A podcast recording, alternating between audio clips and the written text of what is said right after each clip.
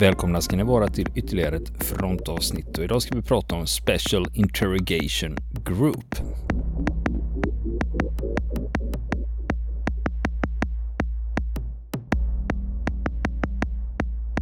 Ja du Niklas, det här var ju ingenting jag hade hört talas om. Fast det, jag trodde jag hade hört talas om allting som börjar med special och som hade med militärhistoria att göra. Ja, man kan inte. Det finns, det finns alltid något nytt att veta. Gör det. Och eh, vi ska tala om en väldigt speciell speciell Special Forces-grupp, om man nu ska uttrycka sig så, från, eh, från andra världskriget. Eh, som, eh, som gick under namnet Special Interrogation Group. Eh, och de höll väl inte på med just, eh, det var väl mer ett kamouflagenamn, för de höll ju inte på att förhöra folk.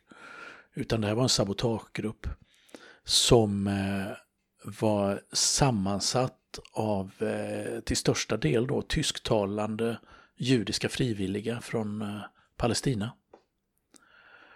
Och eh, som uppträdde då i tyska Afrikakårens uniformer i Nordafrika och gjorde kommandoräder då för att begå sabotage eh, operationer då mot eh, tyska och italienska styrkor då eh, under, under striderna i Nordafrika.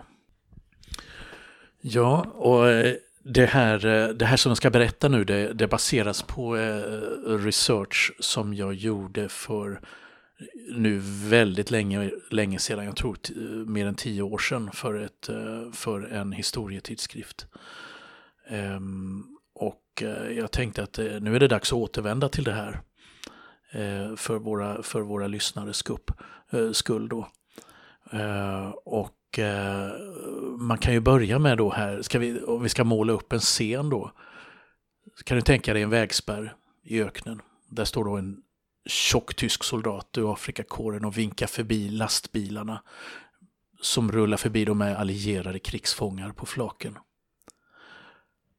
Och i samma stund så varnar han då glatt de tyska fångvaktarna för att brittiska kommandosoldater påståtts vara i farten. Och han hade ingen aning om att det var just dessa britter som han precis hade släppt igenom. För de här tyska fångvaktarna och chaufförerna, alla i tyska uniformer, hade spelat sina roller så övertygande och som hade spelat sina roller då så övertygande. De tillhörde i själva verket då en brittisk specialstyrka som gick under namnet Special Interrogation Group, SIG. Och alltså, vad var det här då? Det var ett väldigt kortlivat brittiskt specialförband som opererade i Nordafrika under andra världskriget. Eh, och då alltså vid sidan av en rad andra specialförband då, som Commandos, SAS och Long Range Desert Group. Eh, och det var helt unikt. Eftersom då, då till stor del bestod av, av eh, tysktalande personal. Alltså unga män av judisk börd från eh, det dåvarande mandatet Palestina. Alltså det här var ju före Israel existerade. Mm. För det var ju brittiskt. Mm, exakt, exakt, det var ett brittiskt mandat. Och de uppträdde då i den tyska Afrikakårens uniformer. Vilket ju inte riktigt är tillåtet enligt krigslagarna. Ehm, men, eh, men det, var så, det var så man opererade. Och idén till den här styrkan då, den hade fötts eh, under en brittisk rymlings ökenvandring, alltså bokstavligt talat. En kapten vid namn Herbert Cecil Buck eh, som först hade tjänstgjort i en av den brittiska arméns indiska regementen, First Punjab och senare i Scots Guards. Och i januari 42 så hamnade han i tysk krigsfångenskap i Nordafrika. Men efter några veckor bakom taggtråd så lyckades han rymma genom att han hade fått tag på en tysk uniform. Och han knyckte sedan det ena fordonet efter den andra under sin flykt då för att ta sig vidare. Och hans charaden var så framgångsrik då.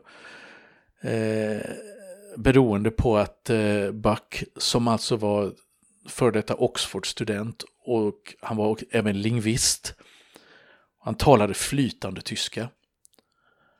Så att så småningom lyckades han ta sig hela vägen genom eh, öknen i Libyen tillbaka till de brittiska linjerna. och återinträda i, eh, i tjänst i brittiska armén. Och medan han då befann sig under flykten i förklädnad och navigerade fram då mellan tyska och italienska baser och vägspärrar i ryggen på Afrikakåren så insåg han hur enkelt det var för honom att ta sig fram eftersom axelmakternas trupper visade sig ha ett väldigt uselt säkerhetstänk. Och det var en svaghet som britterna borde utnyttja för sina syften, blev hans slutsats. Så att när han hade återvänt så föreslog han för sina chefer att man skulle organisera en specialstyrka som uppträdde i fiendens uniformer och som kunde användas för att hjälpa kommandogrupper vid insatser bakom fiendens linjer. Och det här förslaget blev godkänt och redan i mars 1942 så bildades Secret Interrogations Group med just Buck som chef. Och rekryteringen till det här förbandet inriktades eh, på personer som talade felfri tyska och som rent av hade haft det som modersmål. Så många av de här det var ju flyktingar från Tyskland och Österrike då som, eh, som talade det som eh, ja, inföding i princip. Och en av de här eh, uttagna till den här gruppen, han hette Morris Tiefenbrunner. Han var en tysk jude som hade flytt undan nazisternas förföljelser och sen hamnat då i det brittiska mandatet Palestina. Och han hade varit soldat i brittiska armén i Mellanöstern när han då fick eh, det här erbjudandet som han tyckte att det kunde han inte tacka nej till. Och han berättar då i sina memoarer att eh, jag blev kontaktad av en Captain Buck, en brittisk underrättelseofficer som talade omkring åtta eller nio språk flytande. Och han hade en idé om att samla information om den tyska arméns aktiviteter. Och med denna information ansåg han att det vore möjligt att i skepnad av tyska soldater bege sig till deras baser och anläggningar och genomföra sabotage. Och han hade fått det brittiska högkvarterets välsignelse och hade fått order om att kontakta de av oss som talade flytande tyska lika bra som han. Och vi var cirka 20 man med vilka han diskuterade denna idé och eh, som var villiga då att ansluta sig till honom.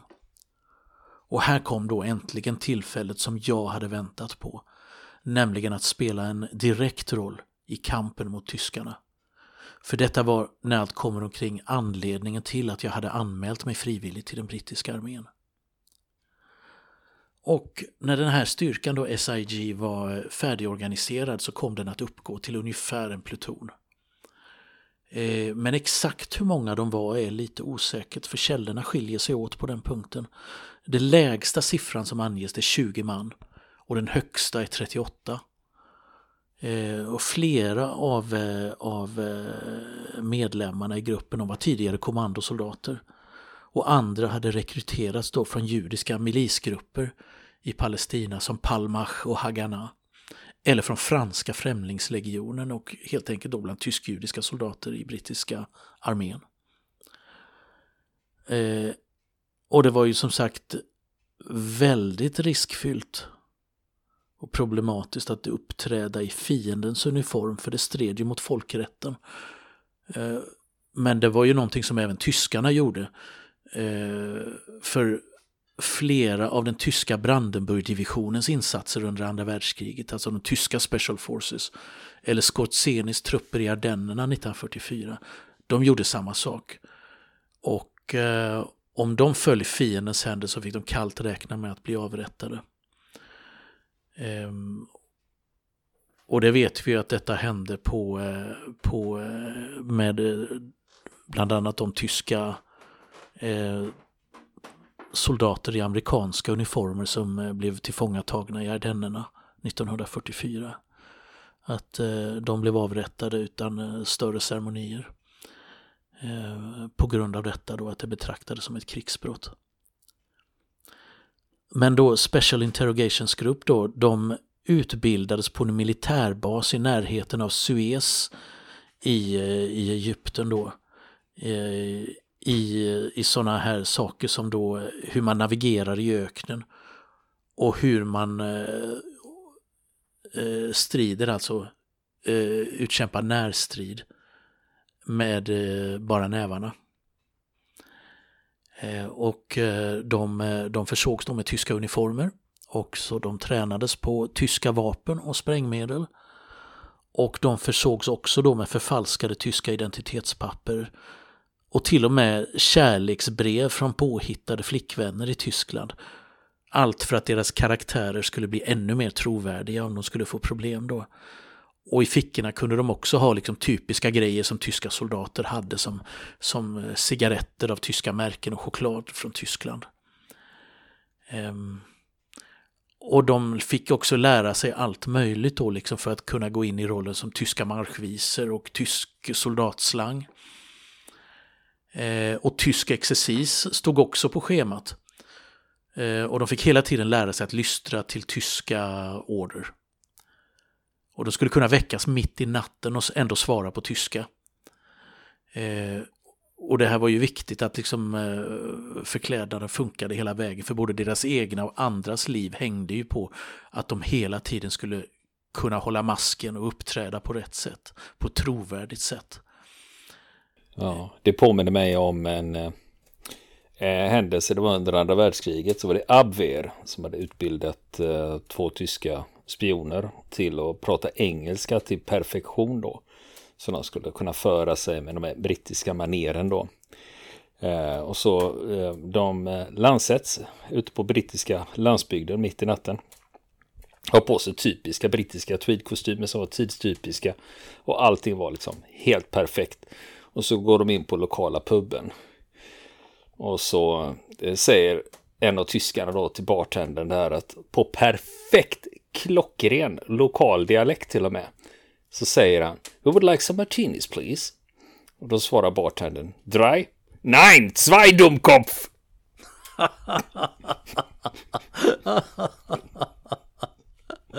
Ups. ja.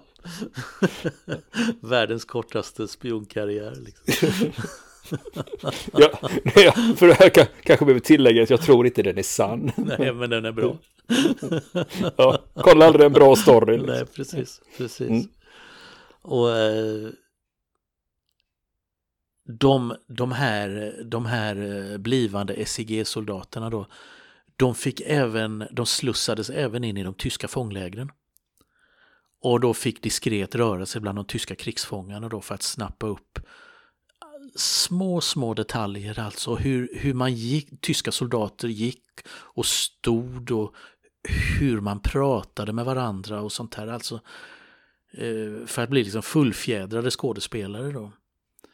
Eh, alla små kulturella markörer då var viktiga i, i sammanhanget. Och, eh, men det här var ju också lite, lite problematiskt på andra sätt för brittiska soldater som då råkade besöka det här hemliga lägret i olika ärenden eh, vittnade senare då om hur, att de blev rätt överraskade och lite illa till mods också när de fick möta soldater som eh, exercerade i tyska Afrikakårens uniformer och fick sina order och instruktioner på tyska och enbart talade tyska sinsemellan då. Så de undrade ju naturligtvis var de hade hamnat. Men det här var ju inte de enda då som kände sig illa till mods i sammanhanget för även somliga av de här SIG-soldaterna hade också dubier om det här eftersom deras båda instruktörer var tyska soldater som hade värvats från ett krigsfångeläger. Det var, de hette Walter Essner och Herbert Brückner och bägge hade tillhört franska främlingslegionen men sen blivit tillfångatagna av tyskarna och gått i Afrikakårens tjänst. Och sen hade de blivit brittiska krigsfångar och då, precis som leg äkta legosoldater, gått i allierad tjänst. Eh, problemet var ju då att det brittiska högkvarteret ville att de här bägge instruktörerna också skulle följa med gruppen på dess första riktiga uppdrag. Eh, och där finns ju en säkerhetsaspekt i det här för man visste ju kanske inte om man kunde lita på dem. Och Maurice Tiefenbrunner han, han eh, skriver om det här att när det var dags att gå ut i strid fick vi veta att de båda tyskarna skulle följa med oss. Vi var inte glada och vi protesterade mot den här orden. Men det brittiska högkvarteret i Kairo försäkrade oss om att de hade blivit grundligt kontrollerade och nu var lika lojala som vilken brittisk soldat som helst. Men vi var inte övertygade. Men soldater är soldater och måste lyda order. Och flera små SIG-team då, de ska ha skickats ut eh, under 1942 eh, ganska snart efter grundandet då, och eh, när utbildningen var klar för att infiltrera Afrikakåren och eh, samla underrättelser. Eh, och det gjorde man då genom att upprätta vägspärrar på kustvägen genom Libyen då. Eller helt enkelt slinka in på en tysk militärbas och småprata med soldater i matkön, typ. Eh, men den första stora operationen den skedde i mitten av juni 1942. Den 13-14 juni då när, när medlemmar ur SEG eh, förklädda till tyska soldater skulle hjälpa SAS, Special Air Service, vid en räd mot två av Luftwaffes baser cirka 150 kilometer väster om Tobruk. Eh, och det var baser då från vilka många av de tyska flygangreppen mot Malta eh, skedde. Och efter en veckas navigerande i öknen så var den här lilla kolonnen då som bestod av två lastbilar och en stabsbil nästan framme vid målet. Och när de närmade sig flygbaserna så skulle soldaterna gömma sina vapen och uppträda som krigsfångar medan SIG låtsades vara fångvaktare. Och det är Morris Tiefenbrunner som berättar igen att allt gick bra. Vi passerade två tyska posteringar, gav lösenorden till de verkliga tyska officerarna och kom fram till en punkt i närheten av flygfälten som var våra mål. Här delade vi upp oss i tre grupper. En lastbil med en tysk och tre från vår grupp, SIG, och omkring hälften av de fria fransmännen skulle bege sig till det ena flygfältet, Derna vid Benghazi. Den andra lastbilen med en tysk, tre från vår grupp och den andra hälften av de fria fransmännen gav sig av till det andra flygfältet, Mantuba. Och jag ledde den tredje gruppen och stannade kvar med stabsbilen, höll samband med de bägge grupperna och höll allt redo för flykten efter att insatserna hade avslutats. Jag stod i kontakt med bägge grupperna. Efter en stund hörde jag från den andra gruppen att allt hade gått bra. Strax därefter hörde jag dova explosioner, vilket innebar att de hade lyckats spränga några plan på fältet. Men ingenting hördes från den första gruppen och när tiden gick blev jag väldigt spänd. Plötsligt hörde jag några rop och tog upp min kulsprutepistol för att vara beredd eftersom jag först trodde att några verkliga tyskar hade upptäckt oss. Men det var ingen tysk. Det var en av de fria franska officerarna tillsammans med tre eller fyra av hans kamrater. Och de var helt utmattade och talade osammanhängande. Efter att ha hjälpt dem in i min bil och gett dem lite vatten fick jag dem så småningom att berätta vad som hade hänt. Och då är det så här att detaljerna eh, går isär i källorna om vad som hade skett med den första gruppen. Men det stod klart att de hade blivit förrådda av den ene tyske soldaten, Brückner, just som de övriga hade fruktat. Och enligt en, en version då ska tysken som var chaufför ha stannat lastbilen inne i Derna och sagt att det var något fel med motorn. Och efter att ha grejat med den en stund så gick han iväg för att hämta hjälp. Men i verkligheten slog han larm hos den tyska garnisonen. Lastbilen omringades snabbt av tyska soldater. En eldstrid utbröt varvid de flesta av kommandosoldaterna dödades eller sårades. SEG-personalen ska enligt en källa ha blivit tillfångatagen och avrättad. Men enligt en annan version sprängde de sig själva i lastbilen för att inte hamna i tyska händer. Och enbart den franska officeren och några av hans soldater lyckades gömma sig under kalabaliken för att därefter ta sig tillbaka till fots till eh, samlingsplatsen.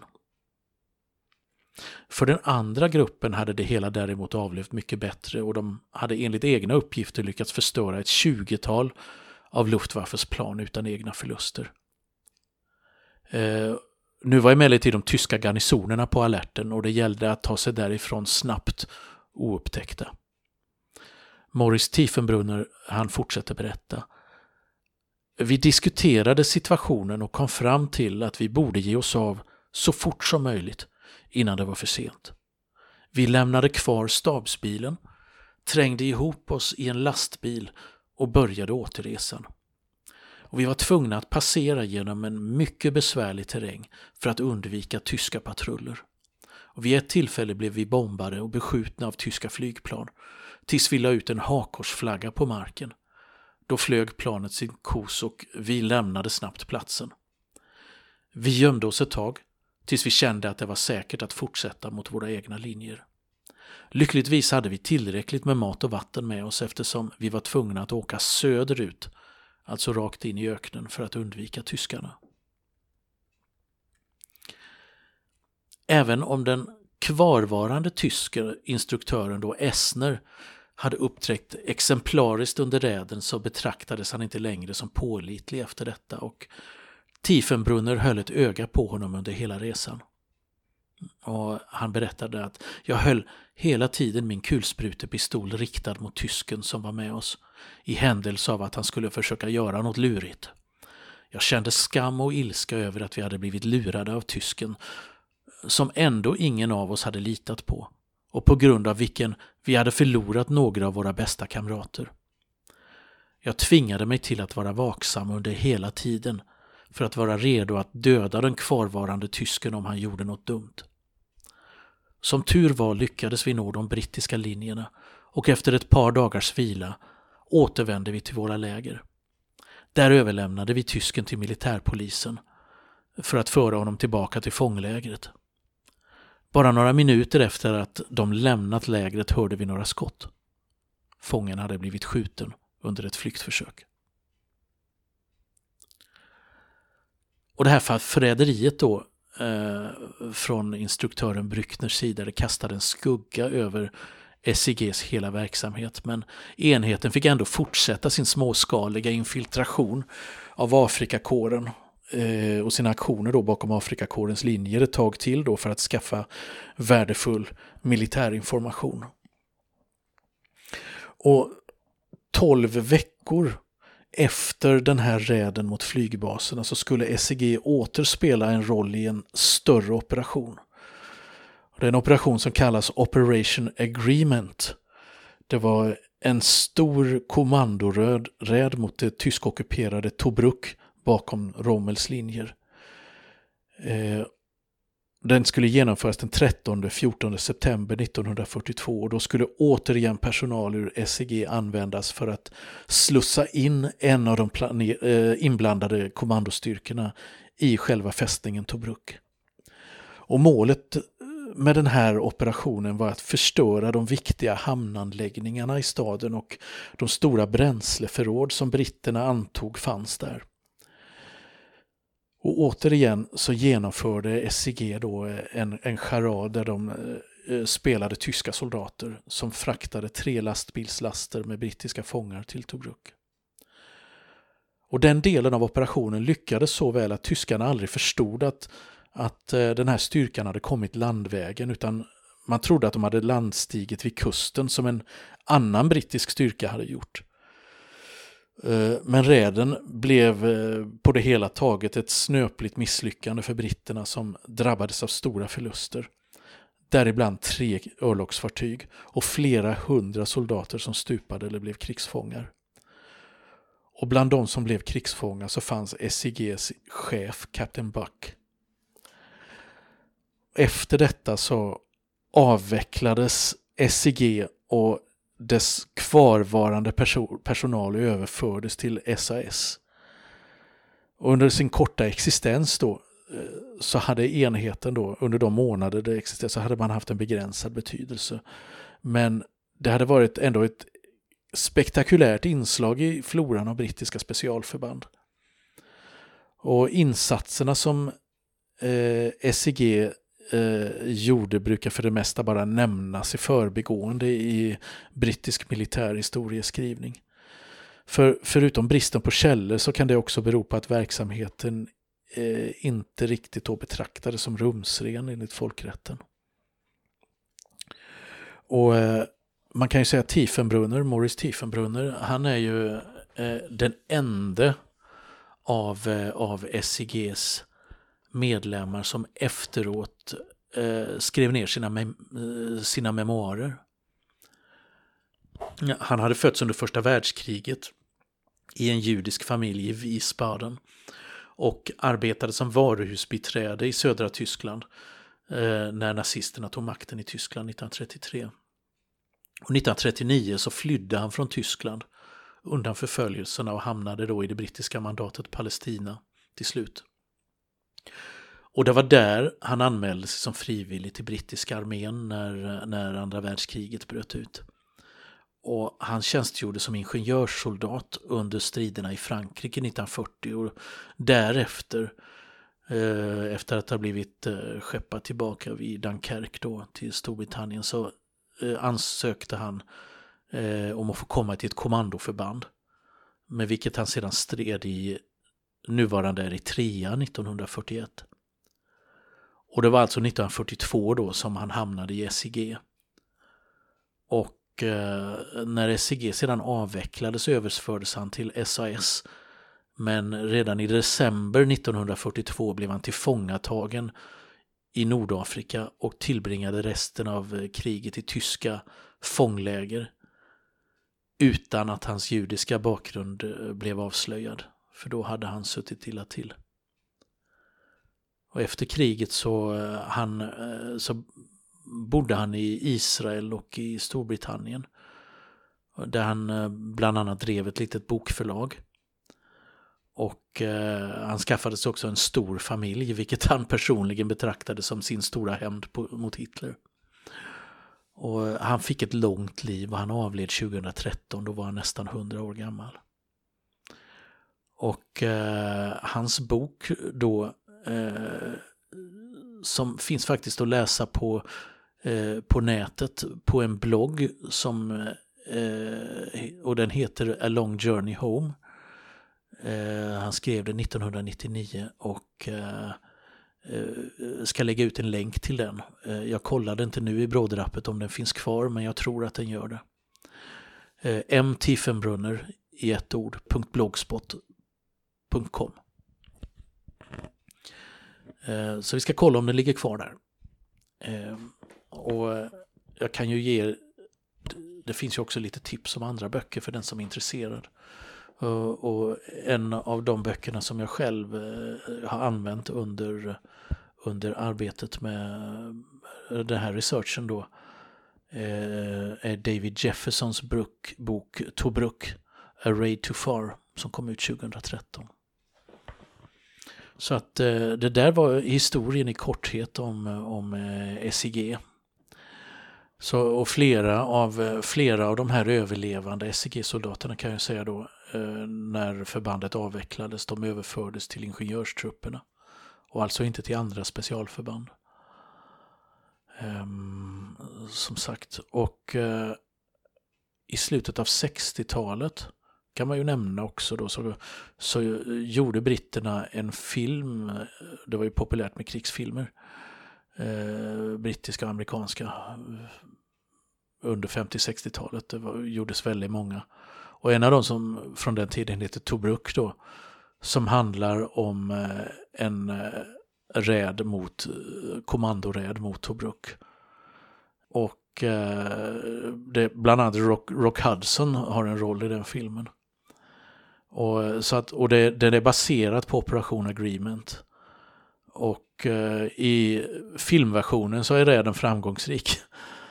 Men det var det ju inte i verkligheten, eh, så att säga.